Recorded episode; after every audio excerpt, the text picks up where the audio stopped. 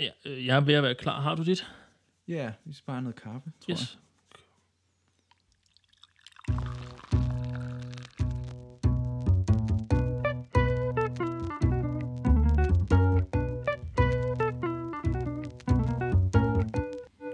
Sidste gang, der talte vi om de kulturforandringer, der skulle til at sige ramte, der prægede storbyen, især altså i starten af 1800-tallet. Lige præcis. Ja. Og, øh, Og velkommen tilbage i øvrigt. Nå ja, det er måske også meget passende at sige. Ja. Men ja, Nå, men vi taler om de her kulturforandringer, der ramte øh, storbyen.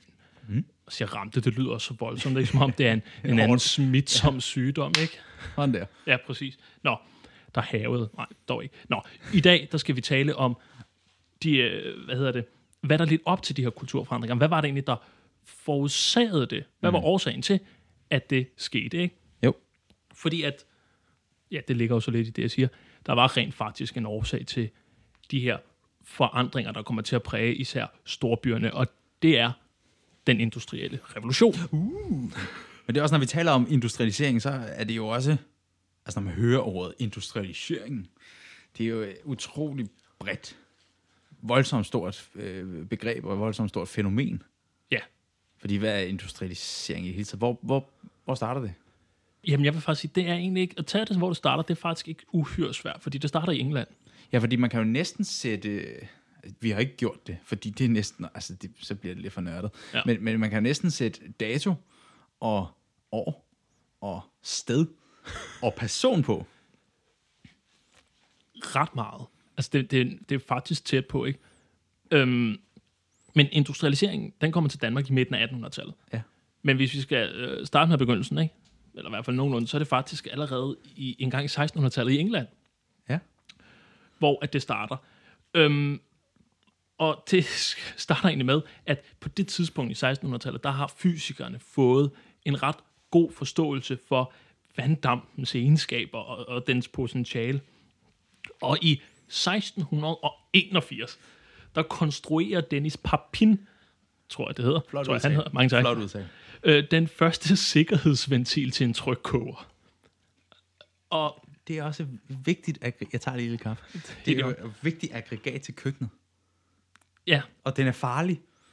Men det er da smart. Og det er også det, det lyder virkelig tørt og kedeligt, men den her sikkerhedsventil er faktisk ret så revolution, ja, revolutionerende. Den er af yderst vigtighed i forhold til den senere udvikling netop af dampmaskinerne og damppumperne. Ja.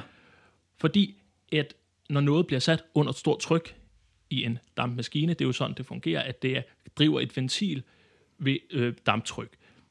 Men den kan altså eksplodere, hvis der kommer et for stort tryk, og den ikke kan udligne trykket, og det er det, sikkerhedsventilen er til for. Så da, det, da den bliver opfundet, og den, eller da den bliver konstrueret, jamen, så giver det lige pludselig en mulighed. Og det er især de britiske kulminer, de tager det først op. Fordi at øh, når man graver ned, kulminerne, det er jo selvfølgelig jorden, og så rammer man altså, der er ret meget vand. Og det er et kæmpe problem, og det skal pumpes ud, og man gør det normalt ved hestekraft. Ja. Bruger øh, hestedrevne pumper, og de er ekstremt ineffektive. Og så er det, man tager de her, man laver en, en vandpumpe, der simpelthen bliver trukket af en dampmaskine. Og kulminerne, ja, de, de bliver bredt, eller de bliver øh, udbredt meget hurtigt. De er ekstremt effektive, og de sluger ekstremt meget kul. Men det er ikke rigtig et problem, fordi det er der jævnt meget af ved en kulmin. Men det er også derfor, at det faktisk er der, man starter med at se det. Fordi det er også det eneste sted, man i starten rent faktisk anvender dampmaskinen, fordi det er det eneste sted, det er rentabelt. For ellers så skulle de bruge virkelig meget kul. Så det er kun kulminerne, der har mulighed for at bruge dem i begyndelsen til simpelthen at pumpe vand ud øh, af minerne. Det er jo også, fordi man lige pludselig opdager, hvad det er for et potentiale for energi, der rent faktisk gemmer sig i kul, øh, når, når, når de støder på det. Ikke? Fordi før man opdager kul og begynder at udnytte det på den måde, man gør, øh, så har man jo brugt træ. Så har man fældet træ, og så har man tørret sit brænde, og så har man ellers lavet træet være hvad kan man sige, grundlag for en husstand og en by, og hvordan alting har fungeret. Ikke? Altså træ var jo den mest almindelige varmekilde i byerne, ikke? Ja. Men kullet, da man lige pludselig udvinder det, og opdager dets effektivitet, fordi det er netop ikke, det, det er langt mere effektivt. Har en langt bedre holdbar, eller øh, ikke holdbarhed, det har en langt bedre, en langt bedre brandbarhed end træet. Og det, altså, der skal langt mindre kul til at for at varme op på samme måde. Og så den Så man begynder jo at transportere det til byerne, og så det Ja. ja. bliver byen, det erstatter træet, og det bliver Ja. ja. den primære varmekilde. Og så det du siger, det der med, man, altså, jamen, kulminer, så graver man jo ned, og så er der jo utrolig meget vand, og sådan, så, så reelt set, den første opfindelse, der virkelig, hvor, øh, hvad kan man sige, øh, dampmaskinen bliver brugt for alvor, det er faktisk til at pumpe ja, vand ud, og så, altså som, hvad kan man sige, som sikkerhedsværn, altså, altså faktisk at gøre øh, arbejdsforholdene, nu skal man ikke tale om arbejdsforhold på det tidspunkt, men, men man gør, mere, man gør det lidt bedre, og måske også er nøgleordet her, også effektivitet. Altså det, det, Jeg, jeg vil måske hellere sige effektivitet, ja, fordi at det handlede også om, at man skulle have vandet ud, så man kunne grave dybere. Ja, fordi der skal penge i kassen. Ja, lige præcis. Ikke? Så, så det var det, det handlede om. Men det gjorde også altså det gjorde mineudgravningen langt nemmere. Og så er det vel også det, som, altså når vi snakker om, at hvornår vi ligesom definerer sådan nogle ting, altså det er vel også på det her tidspunkt, rigtig mange historikere vil højst sandsynligt også sige, at dampmaskinen og, hvad hedder han, øh, James Watts, Præcis. eller ja, ja det hedder han vel, øhm, det er ligesom, det er ligesom der, hele den der industrialiseringsfest, den begynder, ikke? Det er der, det økonomiske opsving, det begynder, og det er også der, at, at den øgede beskæftigelse, det ligesom også begynder. Øhm, tænker jeg. Altså det, det er jo, selvom man har set eksempler på det her med dampmaskine fra tidligere, Ja. øhm, jeg, jeg så på et tidspunkt, øh, sådan en som Da Vinci for eksempel, han har rent faktisk udviklet en tegning på en model til sådan en lille dampmaskine, der kunne skyde sådan en kugle afsted, om hvordan man laver overtryk med, med damp. Det er egentlig lidt skægt. Men det er ligesom ham, James Watts, som ligesom får øh, æren og, og sige, det er her, den begynder. Ja, fordi at han får den effektiviseret dampmaskine, ja. så han kun skal bruge altså noget, eller en, en, en fjerdedel af den samme mængde kul. Men det er der også, at der sker jo de her ting. Mm. Altså hele, hvad kan man sige, at den her effektivisering, der lige pludselig kommer. Ja. Men det er også det, det tiden, den er præget af. Et, der er det rent fysiske, man opfinder, og man øh, jo, op, man, man, man kendte jo godt til dampens kraft der allerede fra 1600-tallet, men det bliver effektiviseret, man får kontrolleret mulighederne. Ikke? Ja. Og det er også det, der karakteriserer øh, den her tid øh, om, omkring det, det er netop, at der er en, en dyrkelse af den her praktiske viden, altså naturvidenskaberne, i slut 1700-tallet, start 1800 især i 1800-tallet, det fylder virkelig meget. Ja. Og man har en tro på, også der med, at man lige pludselig har vundet over, eller man kan kontrollere naturens kræfter, at det faktisk driver os øh, fremad. Der er en helt anden, der er en mentalitetsforandring. Mm. Det er jo det, jeg vil hen til. Og en helt anden tro på, hvordan man rent faktisk kan udnytte naturen til vores egen fordel. Og der er altså øh, dampmaskinen, og især med damplokomotivet, da det kommer, nok et af de bedste eksempler på det, at man lige pludselig ikke længere er nødsaget til at bruge hestevogn, men nu har man brudt øh, den her øh, cyklus. Man har ikke længere brug for naturen. Nu kan vi selv øh, komme frem. Altså, at man har, Men helt anden hast, et helt andet tempo. og det, hvor man så altså, stadigvæk har brug for naturen, det er jo så ressourcemæssigt, selvfølgelig, at, at, at, at kul, ikke? Men, man, Men det der med, at naturen behersker- er, lige præcis, man behersker eller underlagt Ja. menneskets øh, kontrol. Og det er der, hvor det for alvor, ja, så egentlig begynder med industrialisering, ja. Og så også et andet kendetegn, der er ved det der, hvad hedder det, ved industrialiseringen, er jo, at de her lidt mindre og ofte også lidt langsommere håndværk, i sidste gang, der talte vi jo om Simmel og hele det der koncept med Lillebyen, som vi jo mm. trækker lidt videre i dag. Øhm, og det der med det, det der det langsomme håndværk. Øh, man kunne lige forestille sig en, der sidder og snitter ikke træmænd, men, men, men et eller andet, altså skåle for eksempel, sådan, altså et, et langsomligt, men godt håndværk, som lige pludselig ved hjælp af forskellige maskiner øh, kan ryge ind i industrialiseringen. Og det er også på det her tidspunkt, 1740'erne, 50'erne, det omkring, at man ligesom begynder at se de første fabrikker i den her forstand med masseproduktion, der ligesom skyder op. Og det er jo så også her, at masseproduktionen for alvor får sit startskud. Det er her, det ligesom bliver undfanget født. Ja, lige præcis. Det bliver muligt, men det er også fordi, man, man effektiviserer arbejdskraften. Man sætter folk til, i stedet for, at du før sad og snittede en træskål, øhm, eller øh, producerede og fabrikerede et eller andet i, i jern eller i lertøj, jamen så nu så er der en fabri- fabrik, der gør det. Der er nogle mekaniske maskiner, der hjælper med en stor del af produktionen, men så samtidig så sidder du kun som enkeltperson og laver en meget lille specifik ja. opgave. Og så giver du det videre til den næste i køen. Sådan, så du hele tiden sidder og laver det samme, så du ikke laver et endeligt produkt, men bare laver en del af produktet. Det gør det langt nemmere, øh, eller ikke, egentlig ikke nemmere, det det langt mere effektivt, Ja. for at bruge det uh, keyword en gang til. Men en mand, øh, inden jeg, vi kommer for langt ind i det her, der også havde ret stor betydning på det, eller på, på industrialisering og hvad der førte med, det er den øh, økonomiske teoretiker Adam Smith. Og øh, at det lyder egentlig lidt tørt.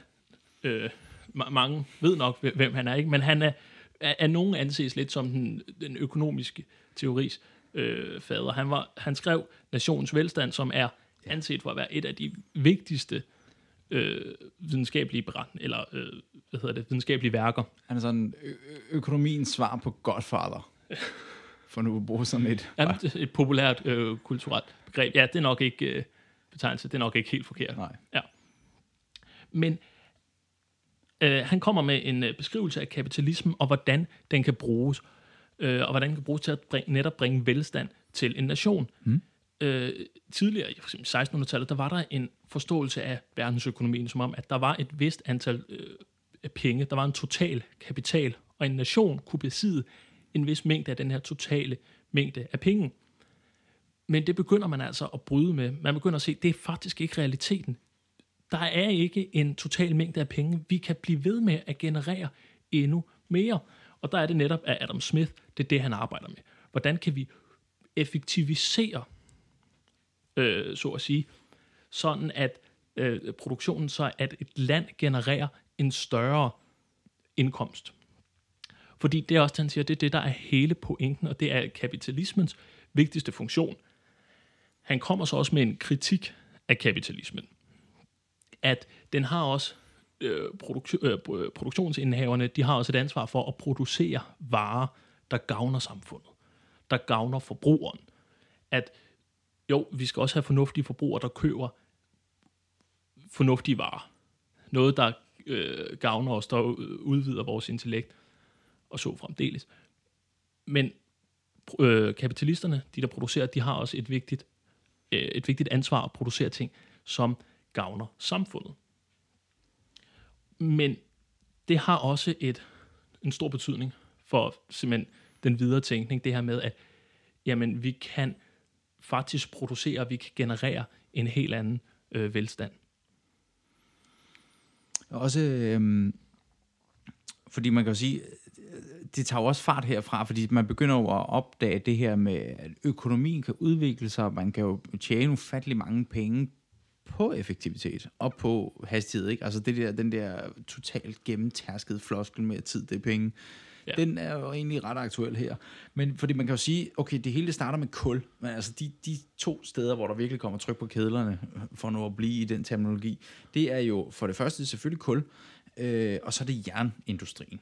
Og Ja. det er jo de her to steder, der virkelig ikke, fordi altså mere kul på de kedler, det øger farten på dampskibene, det er øh, også på den her ja, jernindustri, der sådan langsomt binder øh, hele Europa, øh, Europa sammen. Man ser det også over i Amerika, øh, på den anden side af, af, af søen, øh, hvor at øh, der er sådan et stort sindrigt spindelvæv af togstrækninger, der ligesom binder det hele sammen. Og det er jo så også den vej igennem, at man kan transportere ting langt hurtigere, end altså vi går væk fra hestevogn og hesteryg. Så det bliver overflødet på en måde, og det er jo også her, den der, som vi talte om, det med acceleration, og så måske også en lidt en fremmedgørelse griber ind. Jo, ja, præcis. Men, men der var også bare det med, med, med transporten, især et af, der, der er nemlig to ting der. Vi, lige pludselig bliver det muligt, muligt med fabrikkerne at producere øh, eksempelvis porcelæn. Mm. Langt øh, mere, langt større grad og langt mere effektivt. Og med øh, de nye togstrækninger, jamen så kan man rent faktisk jo transportere det langt mere sikkert, hvor altså vejnettet i det største af Europa på det her tidspunkt, det er altså ikke særlig godt. Det, øh, vejene er meget øh, ja, øh, hullet og ujævn, så rigtig meget, øh, mange varer, især for eksempel porcelænsvarer, jamen det, det går i stykker, når det bliver øh, transporteret på hest, hvor det er langt mere sikkert med tog. Mm. Det vil sige, at der bliver produceret flere varer, og varerne går altså heller ikke i stykker. De ting, det er også med til at gøre, at varerne de bliver solgt til en lav, øh, langt lavere pris end tidligere. Ja, og, Og det er det, der også øger omsætningen, fordi Ja. ja. lige pludselig så er det, det, er en, det er en bredere del af befolkningen, der begynder at forbruge. Og det har det ikke været før. Der har det helt klart været en overklasse. Øh, og så er der mange ting, der, der bliver mere almindeligt måske at få, ikke? fordi der er flere, flere ting, der bliver udbredt. Altså vi ser jo altså masse produktion af forskellige varer, for eksempel porcelæn. Ikke? Altså det bliver mere almindeligt, fordi det er billigere at producere, så der er flere og flere, der får råd til det. Det går selvfølgelig langsomt på det her tidspunkt. Ikke? Men en af de der ting, jeg simpelthen synes, der er lidt, altså spændende, når vi taler om dampmaskinen, hvis vi nu skal prøve at vende det i hele i forhold til ja. det med øhm, intensivering af nervelivet. Fordi det er jo også et nerve, fordi man kan sige, okay, for nu at blive sådan helt patologiske, så har vi jo jernbanestrækninger, kan vel godt anskue som en eller anden art vener eller blodår. Nervebane, der løber gennem Ja, lige landet. præcis, igennem landet. Ikke? Øhm, og i og med, at jo flere tog, der kører, så bliver de her øh, nerveimpulser ligesom præget ufattelig meget. Og en af de der ting, der også er spændende, når vi kigger på modernitet, det er jo, at der er nogle forskellige træk, der ligesom gør sig gældende. Fordi på det her tidspunkt, der er menneskets engagement og holdning og indstilling til livet, den ændrer sig jo på det her tidspunkt, fordi man har været vant til det her. Vi snakkede om i Lillebyen.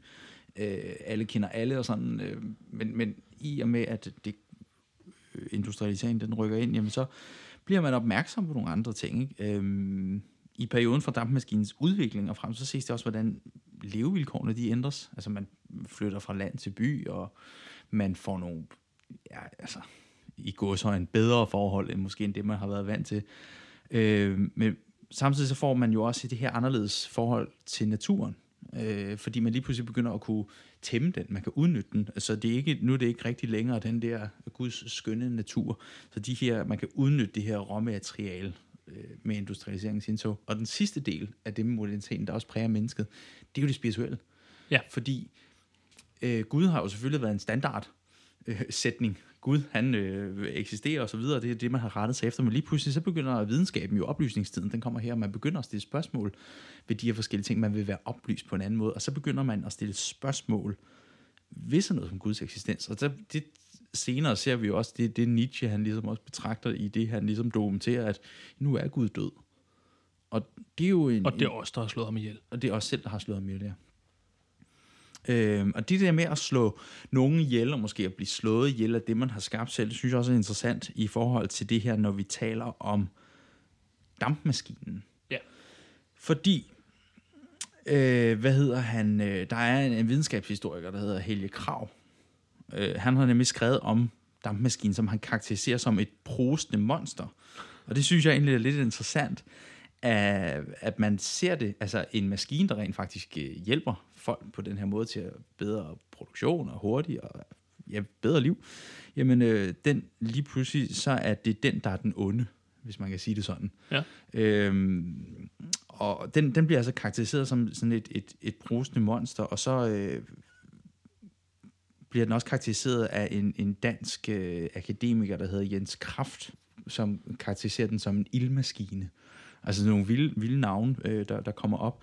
Men det her med det proste monster, det ser vi også senere, langt senere hen, op i 1920'erne, hvordan det er oversat til, for eksempel til filmmediet, hvor at, at hvad hedder han, øh, den øh, tyske instruktør Fritz Lang, der har lavet filmen Metropolis, der ser man også, hvordan at storbyens flamboyante liv, det er sådan en by, der er delt i et over- og en underklasse, øh, så neden under selve byen, hvor hele det flamboyante liv, det, øh, det eksisterer, der er en maskine, der på tysk hedder Herzmaschine, altså hjertemaskinen, ikke? og den bliver også karakteriseret som det her monster, øh, ildsprydende monster, som, som har fastlåst mennesket. Og det er jo så en af de ting, der er hagen, det negative ved industrialisering, det er, at lige så vel som mennesket også selv slår Gud ihjel, så bliver mennesket også selv holdt lidt som gissel måske. Fremmedgjort. Ja, holdt som gissel, men, men mennesket bliver i og for sig også i bogstaveligste forstand slået ihjel. Øhm, den franske sociolog, for lige at hive endnu en på banen. helt skyttet frem, ja. Ja, præcis. Emil Durkheim. Ja. Øhm, han beskæftiger sig også med den her tid. Hvad er det for... Han, er, der, han har flere ligheder faktisk med Georg Simmel, som vi også øh, øh, sidste gang snakkede om. Nemlig at... Og han beskæftiger sig også med det her. Han siger også, at det nye samfund, altså moderniteten her, jamen det skaber en større grad af individualitet. der kommer meget af øh, Simmels øh, blæs- så er det det samme, Durkheim faktisk han kommer frem til. Ikke? Det er også det her med produktionen, altså fabrikkerne, jamen du sidder og laver en meget specifik ting. Altså der er det, og det, det her, man kalder den sociale arbejdsdeling. Arbejdende, arbejdet, det bliver langt mere specialiseret, end det har været tidligere. Så det bliver også svært at forstå, når du møder andre mennesker ude i verden, hvad det egentlig er, de laver. Der kommer, kort sagt egentlig bare, øh, man, man bliver individualist af at bo i storbyen. Og øhm, i, øh, i 1897, der udgiver han et, et værk, der er blevet meget kendt øh, i eftertiden, der hedder øh, Selvmord. Fantastisk. Det handler, som du nok kan gætte til, Om selvmord. Ja, rigtig godt gættet. Øhm, øh, og øh, det, det er simpelthen, altså, eller det, det, det, hvad hedder det, det handler om krisetendenser i det moderne samfund, og hvad der har ledt til de her krisetendenser, og der er det selvmordet, han især øh, arbejder med. Og han kalder også, altså selvmordet, det er den mest, og vel den ideelle, eller ikke ideelle, men den mest individualistiske handling, du kan udføre overhovedet. Og Ja, fordi så tænker jeg også, hvis man nu, kan man så tale om det der med, hvis, altså storby og storbymennesket, jeg ved godt, det er individualis- individualiseret som menneske, men er man så, altså den der tanke med, at hvis man som storby fungerer som en stor enhed, og så selvmordet er mennesket så i storbyen i en eller anden grad af kollektiv selvmord måske, at man er på vej ud af den tangent. et kollektivt selvmord. Ja, altså hvis man taler om, at mennesket i den der forstand med selvmord, det er det, man ligesom skal tage stilling til. Ja. Om storbyen så fungerer, altså alle er individualiseret, men som samlet er storbyen jo en enhed, alle dem fra storbyen, som man kan karakterisere dem som. Ja. Er, det så, er det så et stort kollektivt selvmord? Måske. Man er bidrag til ved at være i storbyen. Det er en lidt syg tanke, men Det, jo, jeg kan godt se, hvad du mener, og den er alligevel sjov, eller interessant i hvert fald, derhen af. Øh, fordi at det netop også, det er netop øh, det, det sociale rum, der har en påvirkning på det. Øh, han kommer, eller Durkheim, med flere øh, typer øh, af selvmord, og øh, den mest interessante, det er også det, at øh, mennesket har mætningspunkter, siger han. Vi har øh, et, et, mæt, et mætningspunkt i forhold til, til mad og drikke, og der taler han også om, at vi har sociale mætningspunkter. Øhm, eller, eller der er et behov i hvert fald for sociale mætningspunkter. Altså, der skal være en norm i samfundet. Ikke? Du har et givet job. I det job, der har du en forventning til, hvad du tjener. Mm. Øh, og der er med det job eksempelvis forbundet en vis levestandard. Mm. Vi er afhængige af de her sociale normer til faktisk at holde os tilbage og begrænse os, eller måske at tilfredsstille os. Men hvis de sociale normer ikke er til stede, så kommer der en eller anden forskruet forventning. Altså hele den her idé eller mentalitet med, at mere vil have mere, og man bliver ved med at generere og ønske.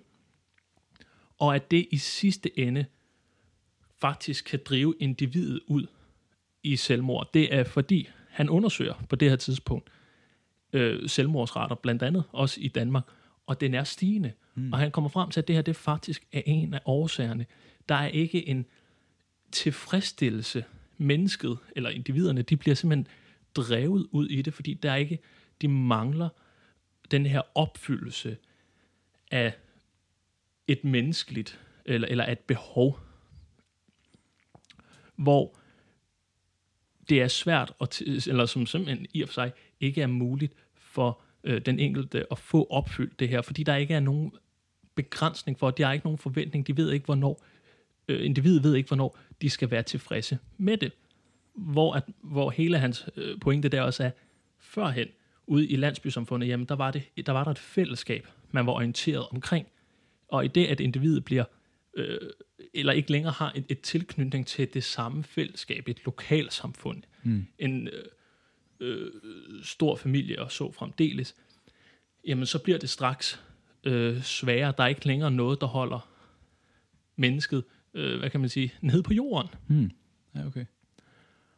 Og på den måde, jamen, så kan man i, kan det i værste tilfælde jo faktisk godt sige, at, at mm, den her, at moderniteten og den øh, industrialisering industrialiseringen i, i, i det værste eksempel måske her, faktisk kan være med til at drive øh, individet ud i, øh, i selvmordet. vi lagde ud med. Du talte om kul, meget varmt om kul, og nu taler vi om selvmord. Altså, det er jo interessant at se, hvad det er for en stort aftryk, som industrialisering rent faktisk sætter på mennesket. Øh, vi starter med at hjælpe mennesket til at, at beherske naturen og udvikle nogle øh, processer, som kommer til at, at, ja, kan man sige, ja, at hjælpe mennesket ja, så hvilke, hvilke drasti, eller ekstreme øh, konsekvenser Lige præcis. Øh, industrialisering og den her moderne, moderne samfund rent faktisk har på, på individet. Og så også ja. en af de ting, vi så, det er jo også, det har været interessant nemlig, og lidt komme, nu har vi kommet meget sådan overordnet på, hvordan det er sådan rent strukturelt med jernbaner og kulminer og så videre, hvordan det ligesom har påvirket og sammenflettet og sat tryk på nogle kedler for ja. mennesket. Men så er det jo også nogle spørgsmål, der måske venter. Øh, svar, det er jo at undersøge det her med de kulturelle øh, hvad kan man sige, strømninger, der, som industrialisering kommer til at præge. Altså, hvad gør de, de her industrielle strømninger, hvad gør de ved individet i storbyen, og hvordan tager storbyen imod? Ja, hvad er det for en kultur? For vi har snakket om, at der er en klar forandring af byen, men hvad er det helt præcis for nogle kulturelle forandringer, der finder sted?